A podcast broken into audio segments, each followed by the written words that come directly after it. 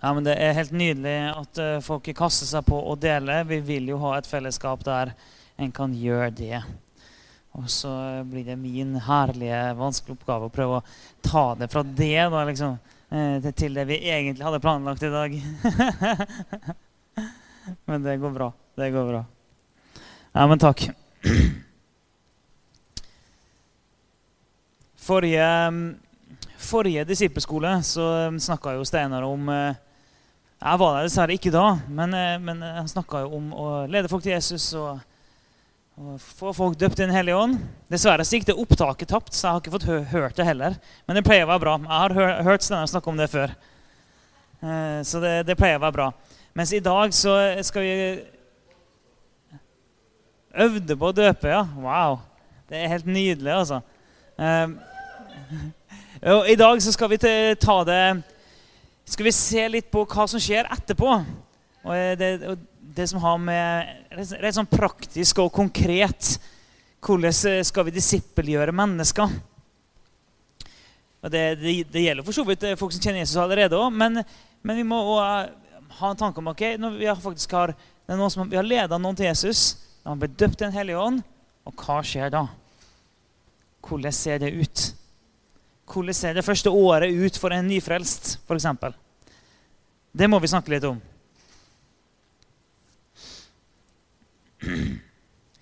Det er mm, Som jeg sa i stad, jeg er utrolig glad hver gang folk velger å komme inn hit når det er sol ute. Det er, det, det, da, da, det, er nesten sånn, det er nesten kjærlighetsspråk for meg. At Når folk velger å komme inn når det er sol ute, så for oss er sola så dyrebar. Ute, at når den først er framme, så er det sånn Er det noen andre enn meg som har sånn at du har dårlig samvittighet hvis du er inne? Ja, ok. Eh, Steinar kjenner på presset. Jeg, jeg, kjenner på at det er sånn, jeg burde ikke vært inne nå, for nå er sola det er, liksom, det er nå eller aldri. Nå, nå er sommeren kanskje over hvis ikke jeg får den sola som er framme i dag. Det er litt den følelsen jeg får. da. Um, så Derfor er jeg veldig glad for at du kom hit. Er, jeg, jeg, er jo så heldig at jeg fikk litt sånn ekstra sol, for jeg har nettopp vært i Italia faktisk, med, med jobben uh, i noen dager der. Uh, det, det, er sånn, det, er sånn, du får når du ikke jobber i menighet. Eh, da, da får du muligheten til sånt. For Hvis du jobber med menighet, hva, hva, er det du gjør da når du drar til utlandet? Da, da er du på misjonstur. Eh, og Det er jo det jeg er vant med. at Når jeg er i utlandet, så er jeg på misjonstur. Så jeg har vært, jeg har vært i en del land etter hvert på, på ulike typer misjonsturer. Og jeg er vant med at da dundrer vi på, fullt kjør, masse møter, og vi ber som gale. vet du. Så, det, det, bare kjøre på dagen lang. Det er det jeg er vant med. Og så skal vi på tur. Og så er det sånn Vi gjør jo ingenting. vi gjør jo ingenting. Vi står opp, spiser frokost, og så har vi en ekskursjon. Lærer vi litt. Og så, og så kommer vi til lunsj. Så spiser vi en lang og god italiensk lunsj. Og så sånn i sånn ett-tida. Og så drar vi tilbake til hotellet, og så har vi, har vi fritid i en sånn liten italiensk uh, by ved Gardasjøen. Helt nydelig, helt idyllisk, sånn som du ser på postkort.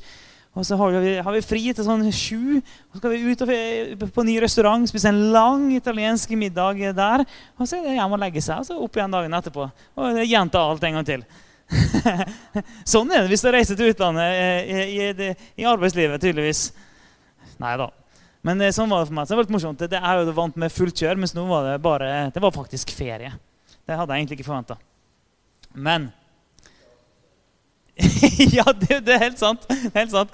Det, jeg får avspasere etterpå i tillegg. ja, så er jeg heldig. Ok. I dag trene disipler, praktisk disippelgjøring. Og Vi skal snakke i dag om det som er undertittelen til disippelskolen, som dere ser øverst på arket. Trene disipler som trener disipler. Det er den setningen som vi bare må få hamra inn i hodet. Trene disipler som trener disipler. Vi skal være disipler som trener disipler, som trener disipler, som trener disipler, som trener disipler. Vi må være disipler av Jesus, som trener folk til å være disipler av Jesus. Som trener folk til å være disipler av Jesus. For sånn, Er du virkelig en disippel av Jesus, så tar du med deg nye inn til han. Og Øverst her så er det jo da misjonsbefalingen. Matteus 28, vers 19-20. Gå derfor ut og gjør alle folkeslag til disipler, idet dere døper dem til Faderen og Sønnens og Den hellige ånds navn, og lærer dem å holde alt det jeg har befalt dere. Og se, jeg er med dere alle dager inntil verdens ende. Det var jo eh, Jeg lurer på om det var Stefan Kristiansen jeg hørte det av først. det her med at det, at det, det, det heter ikke misjonsanbefalingen, det heter misjonsbefalingen. ja. Altså, jeg vet at det er, alltid, det er alltid noen som syns det er litt hardt. Jeg, er ikke en av dem. Jeg synes det, Alt som hardt er fint for meg. Eh, så det, det, kan gjerne være hardt for min del, men jeg synes ikke det. Men ja, det er misjonsbefalingen. Altså, Jesus han har faktisk gitt oss et oppdrag. Han har gitt oss en befaling. Han har sagt, 'Gå derfor ut'. Gå derfor ut. Gå ut. Ikke sånn hvis du vil, når det passer, når du føler for det, så kan du kanskje, kanskje eh, gå ut hvis du har veldig, veldig lyst. Eh, og gjøre alle folkeslag til disipler. Og ja, vi er elska av Gud, og han er vår far uansett. Og det er masse, masse nåde. Men det å være en disippel av Jesus, det forplikter faktisk. Det å være en disippel av Jesus, det betyr ting. Det er ikke en uviktig ting. Det er ikke en overfladisk ting. Det er en gjennomgripende ting i livet vårt. Og det å være en disippel av Jesus betyr faktisk å være menneskefisker. Det betyr å, å, ligne på han. Og hva var det han gjorde? Jo, han gikk ut. Han gikk ut til den fortapte. Han søkte den fortapte. Igjen og igjen, igjen og igjen. Så gjorde han det. Og så ber han oss om å gjøre det samme. Men som med alle ting så begynner det med Jesus. Alle ting begynner alltid med Jesus. Før vi kan klare å trene noen som helst, og disipler noen som helst, så trenger vi å kjenne Jesus. I Apostelens gjerninger, kapittel 1, 8, så står det Men dere skal få kraft når Den hellige ånd kommer over dere. Og dere skal være mine vitner i Jerusalem og hele Judea, i Samaria og helt til jordens ende. Og Her har vi da tre, tre deler av, av, det med å være en disippel av Jesus. Nummer én at vi er ledet av Den hellige ånd. Vi hører hans stemme, og vi gjør det han sier. Det var um, um, Jeg hørte det var Noralf Askeland som, som starta Kristent Fellesskap. Han uh, sa uh, Jeg syns det var så herlig. Han snakka om for han, han, har stått i mye, mye sterkt arbeid. Jeg har virkelig sett Gud gjøre mye. Bygde opp Kristent Fellesskap, Kristent Nettverk og arbeidet de har på Filippinene. og sånn. Og så fikk han jo liksom, spørsmål om liksom, hva altså, Hvordan han kunne vært med på alt det her. Og, liksom, eh, og hans enkle svar det var cirka noe sånn som jeg husker ikke, jeg husker ikke helt nøyaktig, men det var cirka noe sånn som eh, Be og les Bibelen og gjør det han sier. Det var ikke vanskeligere enn det. Kristenlivet er ikke vanskeligere enn det. Du ber, du leser Bibelen, og så gjør du det han sier. det er det å være en disippel av Jesus. Vet, En disippel, en, en lærling, ligner på sin mester. Og vi vet jo det, det, sånn, det har vi til og med i arbeidslivet vårt. Så har vi lærling. Vi har en elektrolærling, f.eks. Og hva er det han gjør? Jo, han følger etter en elektriker. Og Så ser han på han, og så lærer han, så får han prøve seg. og så Etter hvert så har, blir han mer og mer kompetent, og etter hvert så kan han sjøl lære opp andre. Eh, sånn er det. At Som disipler av Jesus så lærer vi han, for han er mester. Og han er hodet, vi er en del av kroppen. Så, men dere skal få kraft når Den hellige ånd kommer over dere. Så fylt av Den hellige ånd. Som disipler så er vi fylt av Den hellige ånd, vi får kraft av Han. Og så skal vi være vitner. Og dere skal være mine vitner. Så vær en disippel av Jesus. Først bli fylt av Den hellige ånd. Så skal vi være et vitne. Og så står det i Jerusalem og hele Judea, i Samaria og helt til jordens ende. Så jeg skrev disipler som trener disipler. En reproduserende bevegelse. har jeg skrevet. Og der er poenget sant, at okay, vi blir fylt av Den hellige ånd. Så går vi ut, og så vitner vi. Og så sprer det seg. Så sprer det seg i nærmiljøet, i vårt eget lokalmiljø, i vår egen by, så i vår egen region, så i vårt eget land, og så utover og utover. utover. Det er hva det vil si å være en disippel. Altså, det er allerede i første kapittel i Apostelens gjerninger. Apostelens gjerninger det er vår manual. Hvor mange her er inne er det som leser bruksanvisning når du har kjøpt noe? Ja, det, det, det, var overraskende få faktisk som leser bruksanvisning. Jeg hadde forventa at det var noen som var veldig sånn tydelig. Ja, selvfølgelig leser bruksanvisning. Eh, det er, det er, jeg er en av dem som ikke leser bruksanvisning. Det, det innrømmer jeg. Til Ellens store fortvilelse av og til. Når, eh, når, jeg da av og til har gjort en ting feil. Jeg innrømmer Et par ganger så har jeg gjort ting feil. Men som regel så går det veldig bra. Eh, så jeg er en av dem som ikke leser bruksanvisning. Men det, det, er tydeligvis flere her som er sånn, så da kan, det, da kan jeg med stor frimodighet si at vi må bare alle skjerpe oss. Eh, for akkurat den bruksanvisninga her, den må vi lese. Det er bruksanvisningen til oss kristne. Det er rett, liksom right out of the gate, for den første kristne. Det er det vi leser om. Det setter presedensen for alt annet etterpå. Så allerede der så leser vi hva vil det si å være en disippel av Jesus. Vi vil lede Den hellige ånd, og vi er vitner, og vi er disipler som trener disipler. Og når folk blir frelst, eller vi har folk som trenger disiplering, som trenger oppfølging, hvordan skal vi gjøre det? Hvordan skal vi organisere oss? Hvordan skal vi gjøre menighet osv. Det finnes uendelig mange alternativer og modeller osv. Vi skal se på et par ting fra Bibelen. Jeg har skrevet her at Gud har kalt oss til strukturert fellesskap. Når jeg sier det, så er det helt sikkert noen som tenker strukturert fellesskap. Det høres ut som et tvungent fellesskap. Det høres ut som at det er noen eh, ytre begrensninger, eh, strukturer som er satt på plass for å tvinge fram et fellesskap. Det, er sikkert, noen som hører det sånn, for det er alltid noen som syns at vi ønsker at alt skal være organisk. Um, og da kan jeg dessverre si det at det funker ikke. Det funker ikke med det organiske fellesskapet. Det er en brannfakkel, jeg vet det, men det organiske fellesskapet, det funker ikke. Det funker i perioder.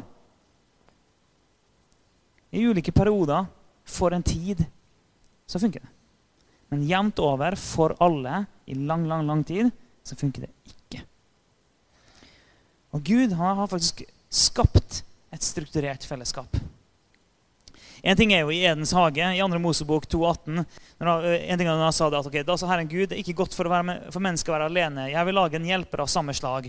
Det er jo, det er jo et sånt fellesskapsvers. omtrent. Sånn, ok, Vi mennesker vi er kalt til å være sammen, vi er ikke kalt til å være alene. Den er jo grei. Du kan fortsatt tenke at alt skal være organisk. det kan du. Og Så går vi til Det gamle testamentet. Så har vi det med at Israel var delt opp i tolv stammer.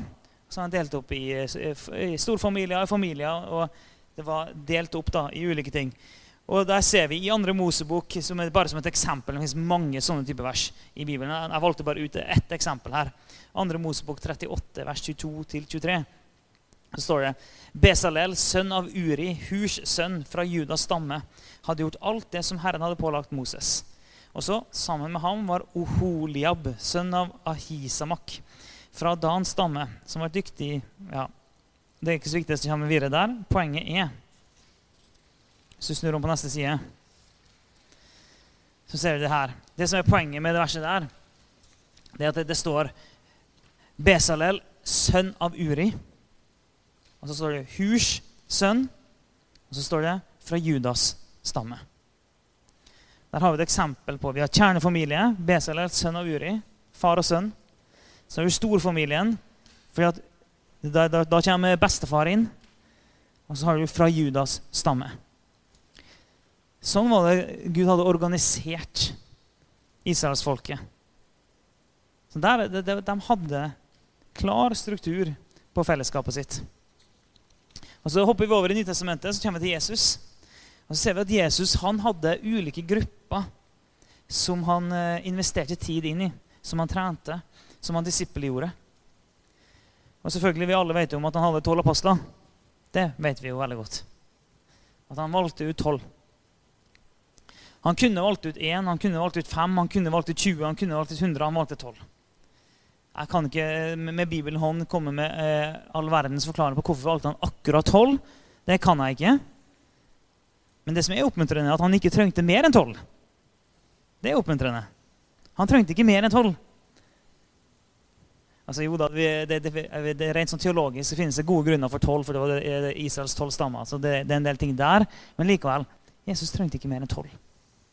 Tolv personer som han investerte masse inn i. Og ut av de tolv så ser vi at det var noen han trakk enda litt nærmere. Som fikk bli med han opp på fjellet. Peter, Jakob og Hannes fikk lov til å komme enda litt nærmere enn de andre tolv. Og ut av de tre så ser vi at det var én som fikk lov til å komme enda litt nærmere. Det var Johannes. Johannes det var han som kunne legge seg inntil Jesus ved siste måltidet.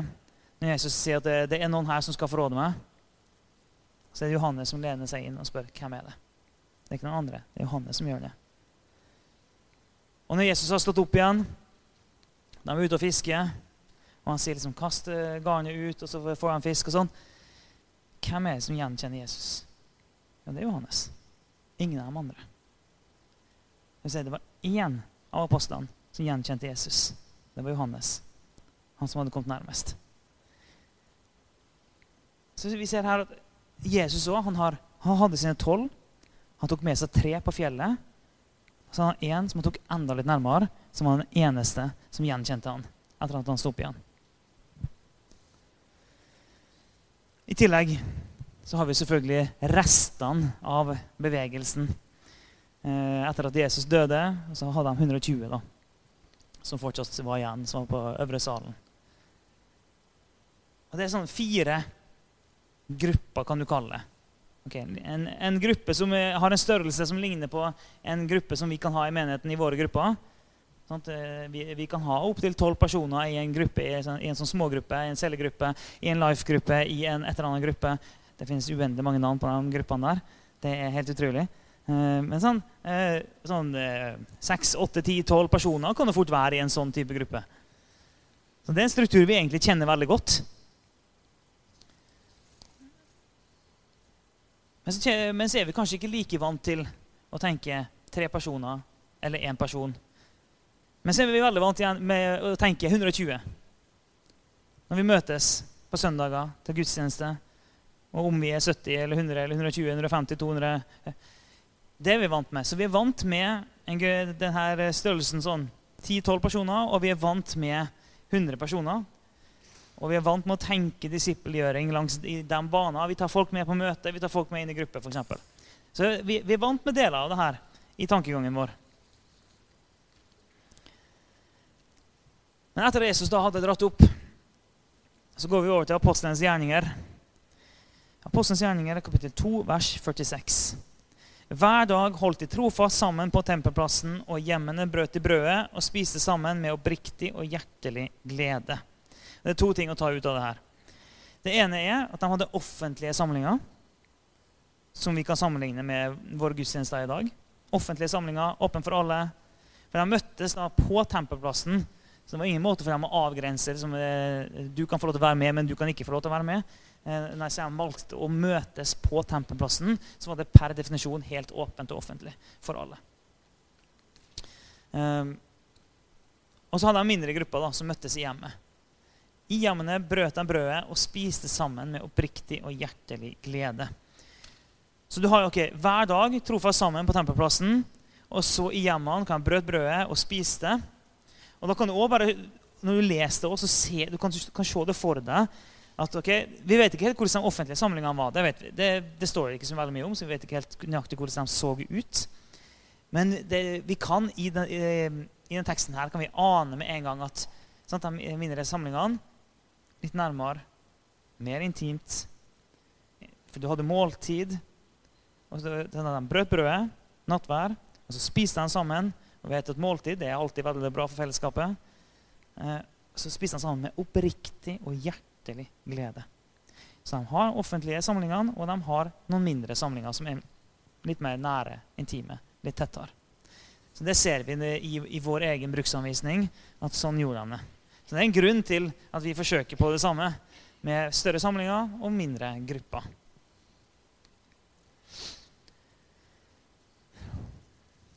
Så skal vi se på, på noen strukturer for fellesskap. Jeg skal gå litt mer inn i dem som jeg har nevnt. Som jeg sa, Vi er vant med grupper 5, 6, 7, 8, 9, 10, 11, 12 personer. De aller fleste i rommet her har på et eller annet tidspunkt vært med i en sånn type gruppe. Der vi møtes, eh, fellesskap, bønn, disippelgjøring. Eh, og det er en sånn type gruppe som ofte blir nærmest av seg sjøl, av sin egen dynamikk, så blir den ofte mer sånn spissa inn mot fellesskapsbiten. At vi har det kjekt sammen. At det blir et godt fellesskap i en sånn gruppe. Det blir ofte det. Det blir ofte et veldig godt fellesskap i en sånn gruppe som møtes. men det er ofte det som blir den naturlige dynamikken, med mindre en aktivt går inn for å eh, tenke at en skal bruke gruppa til noen spesifikke ting, så er det som regel det som blir hovedfokus. Nå kommer vi sammen. Vi har det veldig godt sammen. Og det har en, det er stor egenverdi, det. Og så har du noen ting som vi bare har kalt minigrupper. Når vi tenker på de tre Jesus og tre til Det er når du, du tar en litt, litt, mindre gruppe, litt færre personer. To til tre personer som du kan møte jevnlig. Til bønn, til fellesskap, til eh, ansvarlighet. Og det, En sånn type gruppe blir ofte mer spissa inn mot eh, livet med Gud, bekjennelse av synd og um, med sånn, disippelgjøringsbiten. Den blir ofte mer spissa inn mot det. For det, det, er rett og slett sånn eh, det, det, er ikke sånn at det alltid blir sånn, men strukturer fører en vei. Vi har strukturer for fellesskap, og strukturene våre peker en retning. Og de legger til rette for visse typer liv. Strukturene våre legger til rette for visse typer ting.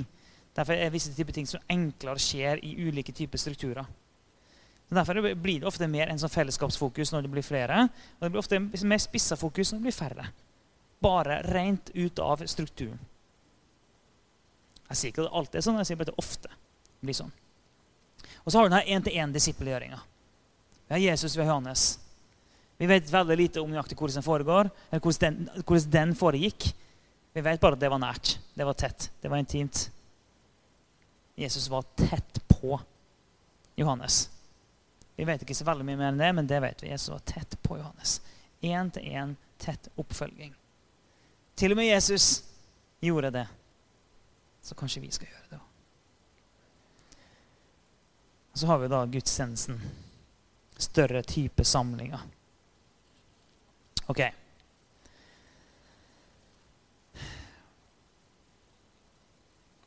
Og da, når jeg har gått gjennom det, så vil jeg bare gå tilbake igjen da, til misjonsbefalinga og minne om den. Ok, Gå derfor og gjør alle folkeslag til disipler. Døp dem til Faderen og Sønnen og Den hellige ånds navn, og lær dem å holde alt det jeg har befalt dere. Og så er jeg med dere alle dager inntil verdens ende. Gå derfor og gjør alle folkeslag til disipler. Altså gå ut, gjør alle folkeslag lik meg. Det er det han sier. Gjør alle folkeslag lik meg. Gå ut og gjør alle folkeslag sånn som jeg er. Døp dem til Fader og Sønnen og Helligåndens navn, og lær dem å holde alt det jeg har befalt dere. Og alt det som Jesus har befalt, det har vi jo i Guds ord. Sånn at vi har det her. Når Jesus sier 'lær dem å holde alt det jeg har befalt dere', det han da sier, er 'lær dem mitt ord'. Lær dem mitt ord. Det er det han sier. Døp folk. Gå ut, gjør dem til disipler, døp dem og lær dem mitt ord.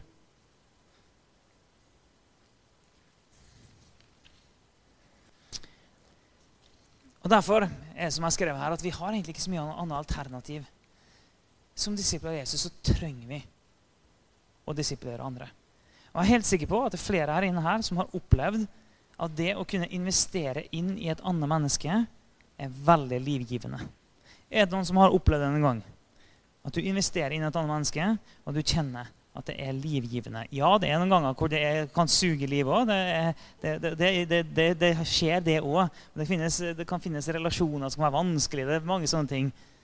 Men det å investere inn i et menneske, vandre sammen med et menneske, dra det mennesket nærmere Jesus Av og til må du kanskje holde det litt tak i det mennesket og bare sånn Nei, du, nå skal du være med her. Eh, det er veldig, veldig livgivende. Det er veldig meningsfylt. Og jeg vil faktisk si det sånn at vi trenger det. Det er faktisk sånn at Vi trenger det bare for vår egen relasjon til Jesus. Så trenger vi å kunne hjelpe andre med deres relasjon til Jesus òg. Vi trenger det. Vi alle sammen trenger det.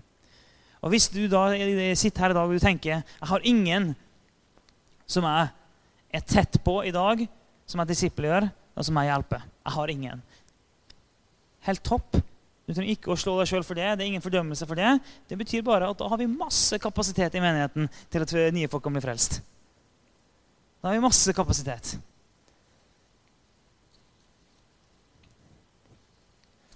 Jeg har trukket fram noen kjappe eksempler på noen sånne én-til-én-relasjoner som, som, ikke sånn, i seg sjøl nødvendigvis er de aller beste eksemplene på sånn én-til-én-disippelgjøring, men, men, det er noen én-til-én-relasjoner eh, likevel. Altså Moses og Josva.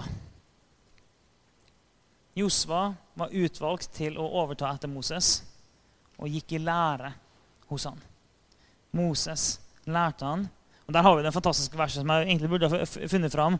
Men der Moses hadde gått ut av teltet, men Josef han ble værende.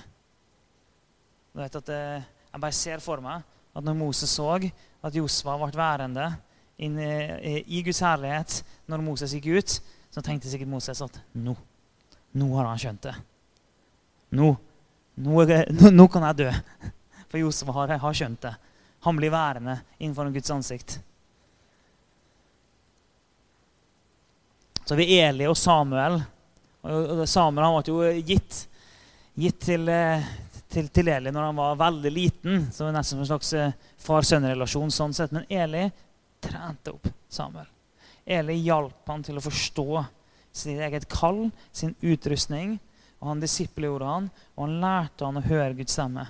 Alle, sånn du, har, du, har, hørt historien om at uh, Samuel ligger og sover, og så roper Gud til han. 'Samuel!' Og så så han bare sånn, ja, våkner han og tror at det er Eli. sant? Springer inn til Eli. Eh, 'Ja, hva var det? Hva, hvorfor roper du?' 'Nei, det er ikke jeg, så jeg har ikke ropt.' Ok, Så går han og legger seg igjen. Og så roper Gud igjen. Så, og så går han inn og spør, 'Ja, hva er det?' 'Nei, jeg har ikke ropt.' Um, og så skjønner, jeg, Men da skjønner jo Eli, sant? for Eli kjenner Gud. Så han skjønner ok, nå skjer det noe her. Og da kunne jo Eli bare valgt å bare uh, drite i det, la det gå. Nei, men han hjelper Samuel. Og så sier han neste gang skal du gjøre sånn og sånn og sånn. Og så gjør Samuel det. Og det som skjer, er at han hører Guds stemme. Og han blir merka for livet. Vi aner ikke hva som hadde skjedd vi, hvis ikke Eli hadde sagt til Samuel gjør sånn og sånn. Samuel trengte det. Han trengte en som hadde gått foran, som kunne lære han å høre Guds stemme. Vi har Elia og Elisha. Elia, profet hadde jo stått i masse. Og han velger seg ut en som skal overta. Som skal ta hans kappe. Som skal få en dobbel salvelse. Um, og da tar han han med seg. En, uh, I begynnelsen så blir det jo da at han tar han med seg som en, uh, som en disippel. Så blir han mer og mer en uh, partner in crime og så tar han over. Og akkurat den, den dynamikken der hvis du, hvis du, velger å begynne å investere inn i mennesker, så vil du erfare den dynamikken der med at i begynnelsen Bare for å gjøre det litt sånn enkelt forståelig. I begynnelsen så ligger du foran. På den måten at, eh, at, du har en lengre historie med Gud. Du har mer erfaring med Gud. Så derfor ligger du foran. Og så drar du med deg en person. Du, du, du tar med deg personen nærmere Jesus. Men etter hvert så begynner personen å nå deg igjen. Litt sånn forenkla bilde her, men dere henger med. Personen begynner å nå deg igjen, og så blir dere mer og mer lik. Og når jeg kom til Bergen for 14 eh, år siden, ble det vel? Når jeg kom til Bergen for 14 år siden så var det ikke sånn at jeg og Steinar var best buddies. Det, altså, Vi likte hverandre for all del. det var ikke det. Eh, men, eh, men, da, men, da, var sånn, okay, det var, var veldig sånn tydelig. Steinar han er min leder. Steinar tok meg under sine vinger, investerte masse inn i meg. Men, og i dag så er vi Vi, er, vi står sammen. Altså, vi har ikke lenger den dynamikken der med at, eh, at, eh, han disippelgjør meg. Nå, nå, står vi sammen som brødre. Det er det vi gjør nå. Så 14 år etterpå. Det er et sånn, helt sånn konkret eksempel. Og det er det som skjer når en velger å investere inn i mennesker. Jeg har skrevet Naomi og Ruth her. Sånn Naomi og Ruth har mista sine menn. Naomi sier at hun vil dra tilbake til Israel, og Ruth har ikke lyst til å forlate henne og bli med henne. Okay, eh, og så ser vi at når de eh, kommer til Israel, så ser vi at Naomi veileder Ruth. Gir henne råd, veileder henne. Og hva er resultatet av det? Jo, det er um, Det er David. Det blir etterlinja til David, som også blir da etterlinja til Jesus. Så, det at, så de rådene som Naomi ga til Ruth, frukten av det Hvis vi virkelig drar det langt ut, det er jo Jesus sjøl. Så har du Paulus og Timoteus. Der Timoteus var som en sønn for Paulus. Og det er jo en sånn type relasjon som en, en kan få. Eh, der en kan være som en eh, åndelig mor eller far for noen. Så vi har mange sånne type relasjoner i Bibelen. Mange sånn én-til-én-relasjoner som kan se litt sånn ulike ut. Men det, det, prinsippet vi ser igjen og igjen og igjen, og igjen, er at det er én person som hjelper en annen person til å komme nærmere Gud. Det ser vi igjen og igjen og igjen. Og det trenger vi å gjøre òg. For vi er vant med store samlinger. Vi er vant med grupper, og det er vel og bra. Det skal vi fortsette med. Men det vi ikke er like vant til, det er at jeg disippelgjør det. Det er at jeg velger meg en person. Det er vi ikke så vant med. Så vi er vant med at vi er med på en form for disippelgjøring at vi er med i menighet. Men vi er ikke like vant til at vi sjøl aktivt går inn for å disippelgjøre noen. Og så kan det se ut på ulike måter. Når jeg var, når jeg var 16 år Nei, når jeg var 17 år um, Så var det en som sa til meg det året Så sa han at det, neste året så prioriterer jeg deg, sånn. Det neste året så prioriterer jeg deg. Du kan ringe meg, og jeg skal prioritere deg. Og jeg skal følge opp. Det neste. Men det var, det var, tids, var tidsavgrensa. Sånn. Neste året så er du en prioritet for meg. Jeg skal hjelpe deg. Jeg skal disiplere deg. Det har forma mitt liv enormt at han gjorde det. Han hadde ikke trengt å gjøre det. Han, han bare sa 'Jeg vil investere inn i det'. Neste året jeg velger det.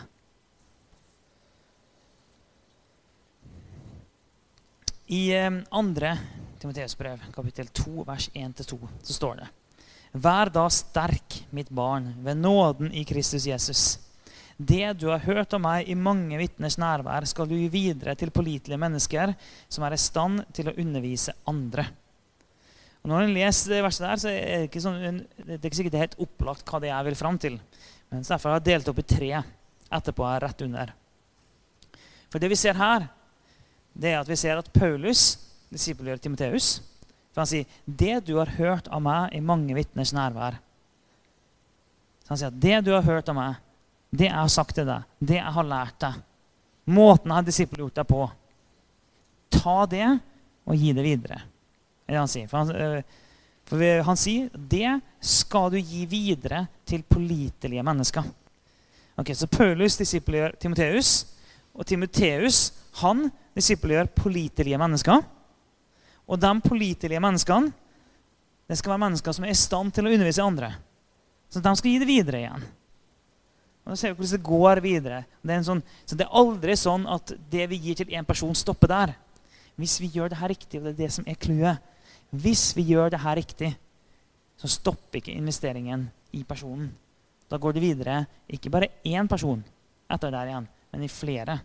Så dermed, det du investerer inn i én person, frukten av det kan bli 10 personer, 20 personer, 50 personer. Det vet vi ikke.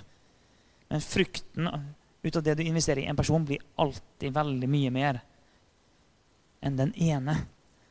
Og Det ser vi her. Så Paulus, så, okay, Den tida Paulus brukte på disippeløret Timoteus, det materialiserte seg i alle den som Timoteus disippelgjorde, og alle den som dem igjen disippelgjorde. Da fikk du disipler som trener disipler som trener disipler.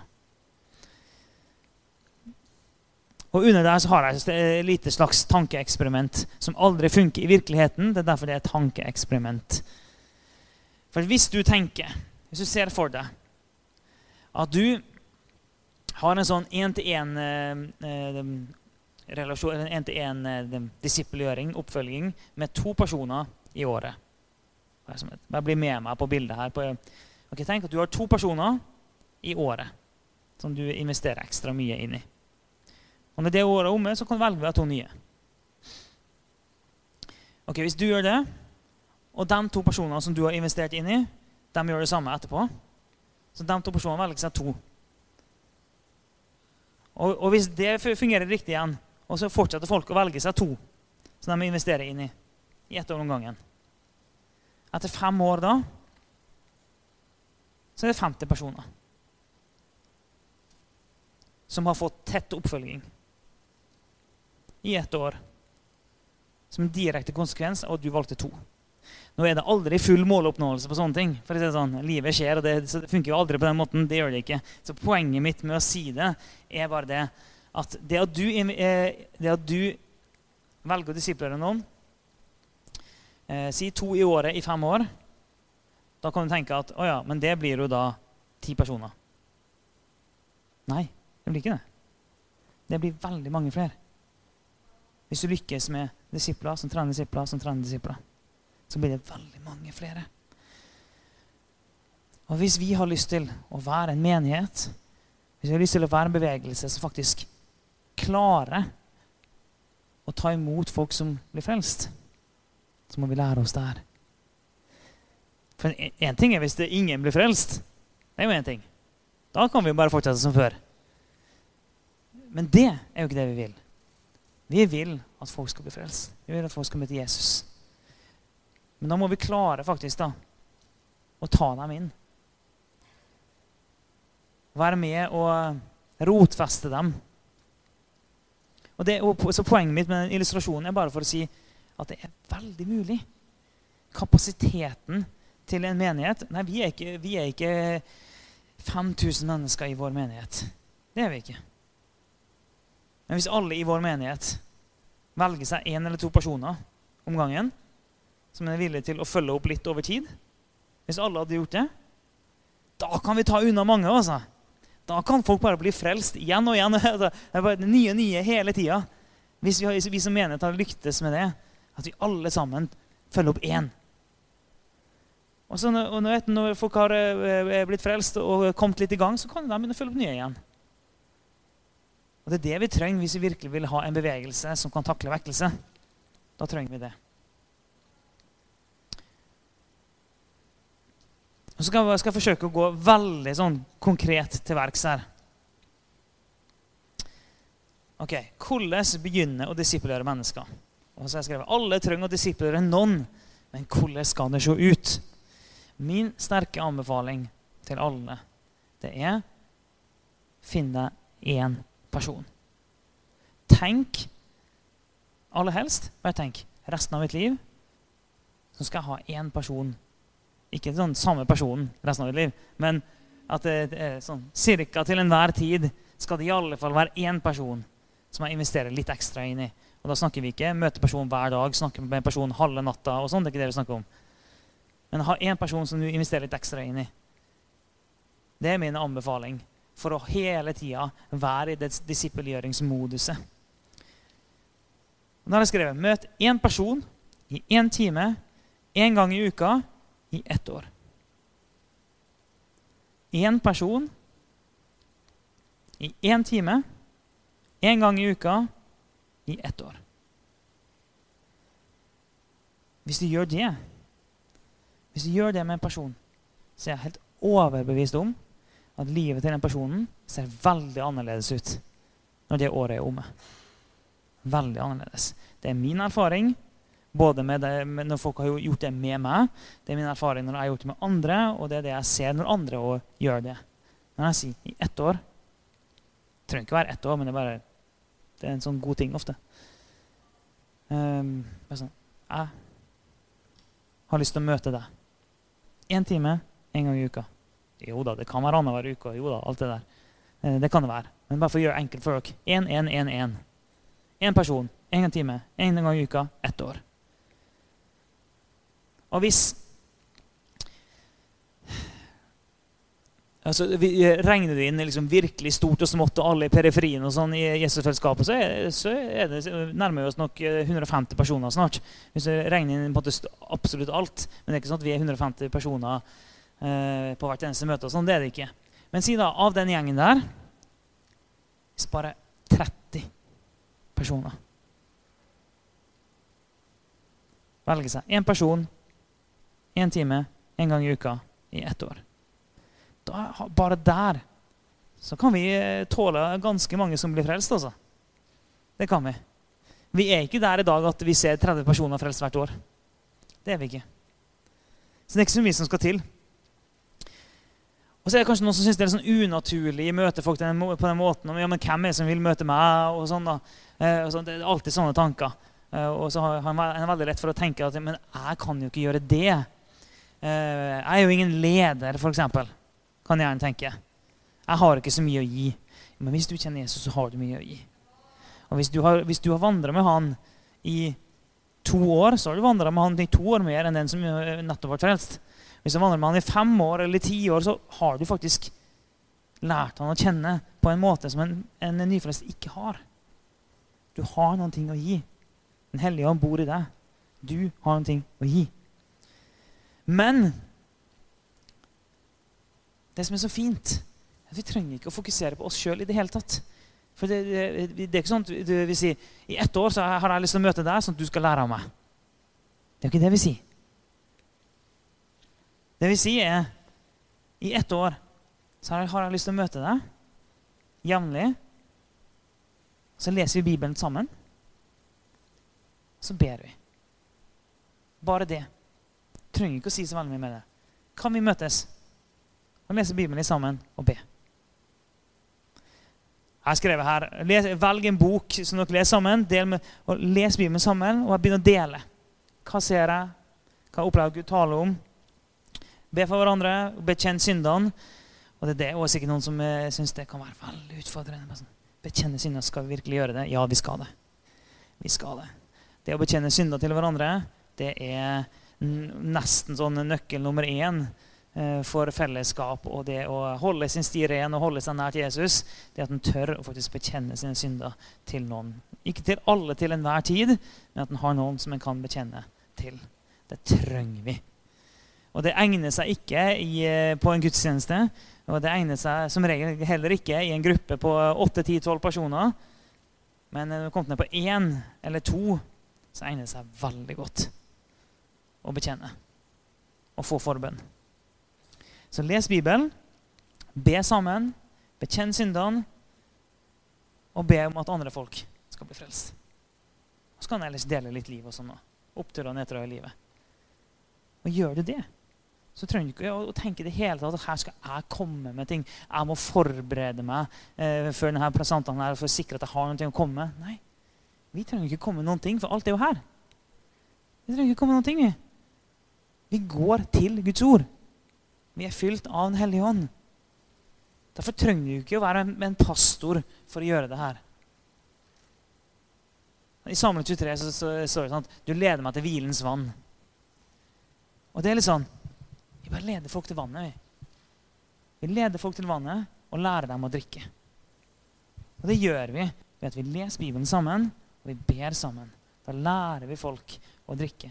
Vi lærer folk å søke til kilden. Vi lærer folk å være kobla på riktig sted. Da er det ikke sånn at folk henter sitt liv og sin identitet fra andre mennesker eller fra menigheten. Nei, gjør det faktisk fra Gud.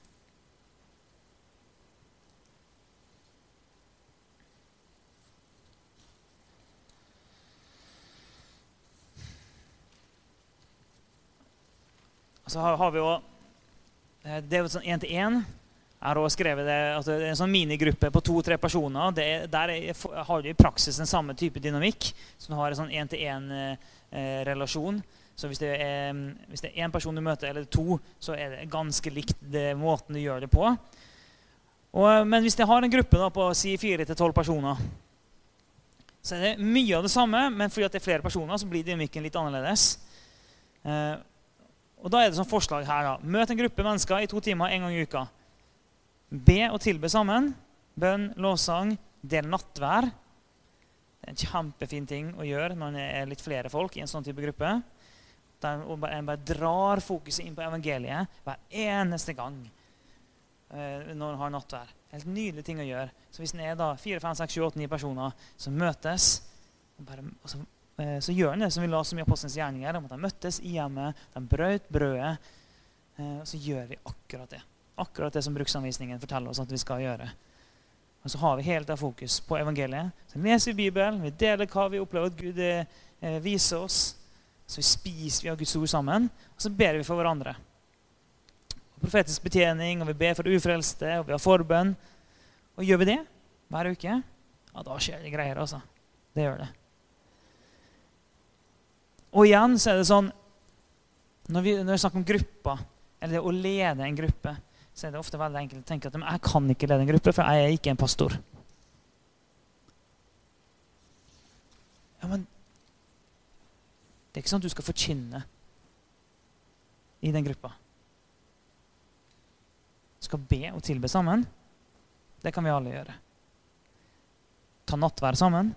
Det kan vi alle gjøre. Lese Bibelen sammen. Det kan vi alle gjøre.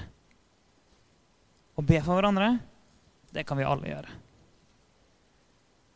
Vi trenger ikke en, en særegen, ekstra salva og kaldt lederutrustning for å gjøre det. Det vi snakker om, er bare byggesteinene i det kristne livet. Det er det vi snakker om.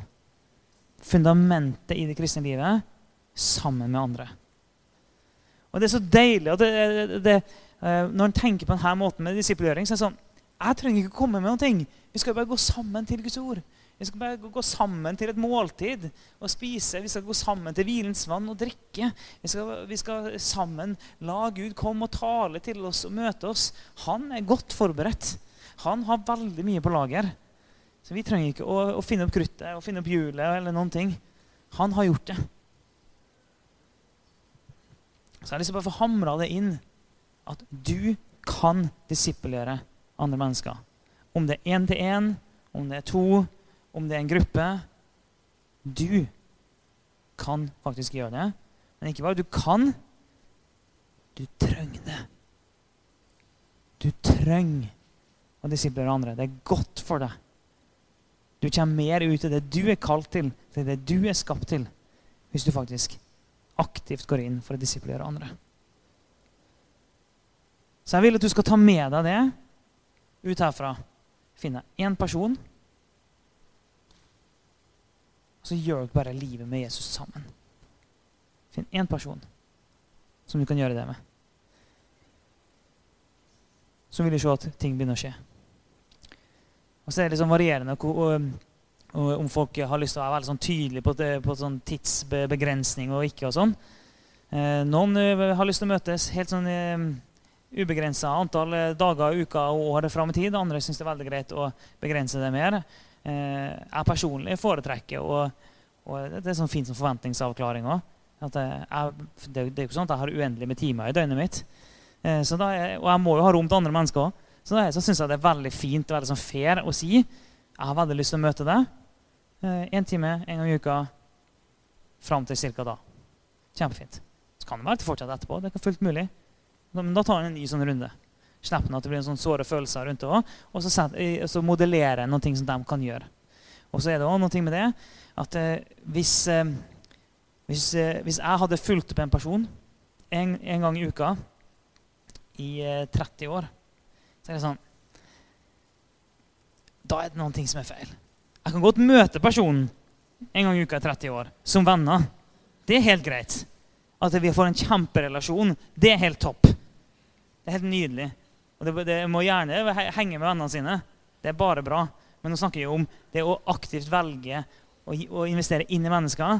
Da er det sånn at Hvis det fortsatt er nødvendig etter 30 år, og de ikke sjøl har begynt å velge seg noen å investere inn i, da er det noen ting som har gått, gått, galt her. Så det er en del av den naturlige dynamikken i disippelgjøring at du slipper folk løs for at de sjøl skal gjøre det samme med andre. Så det er faktisk nødvendig at på et tidspunkt så er det sånn Nå er det på tide at du går ut og gjør det som du har gjort med meg. Ok. Så finn dere én. Én, én, én, én. Finn dere én person. Så vil dere se at ting begynner å skje. Yes. Det var det vi hadde i dag.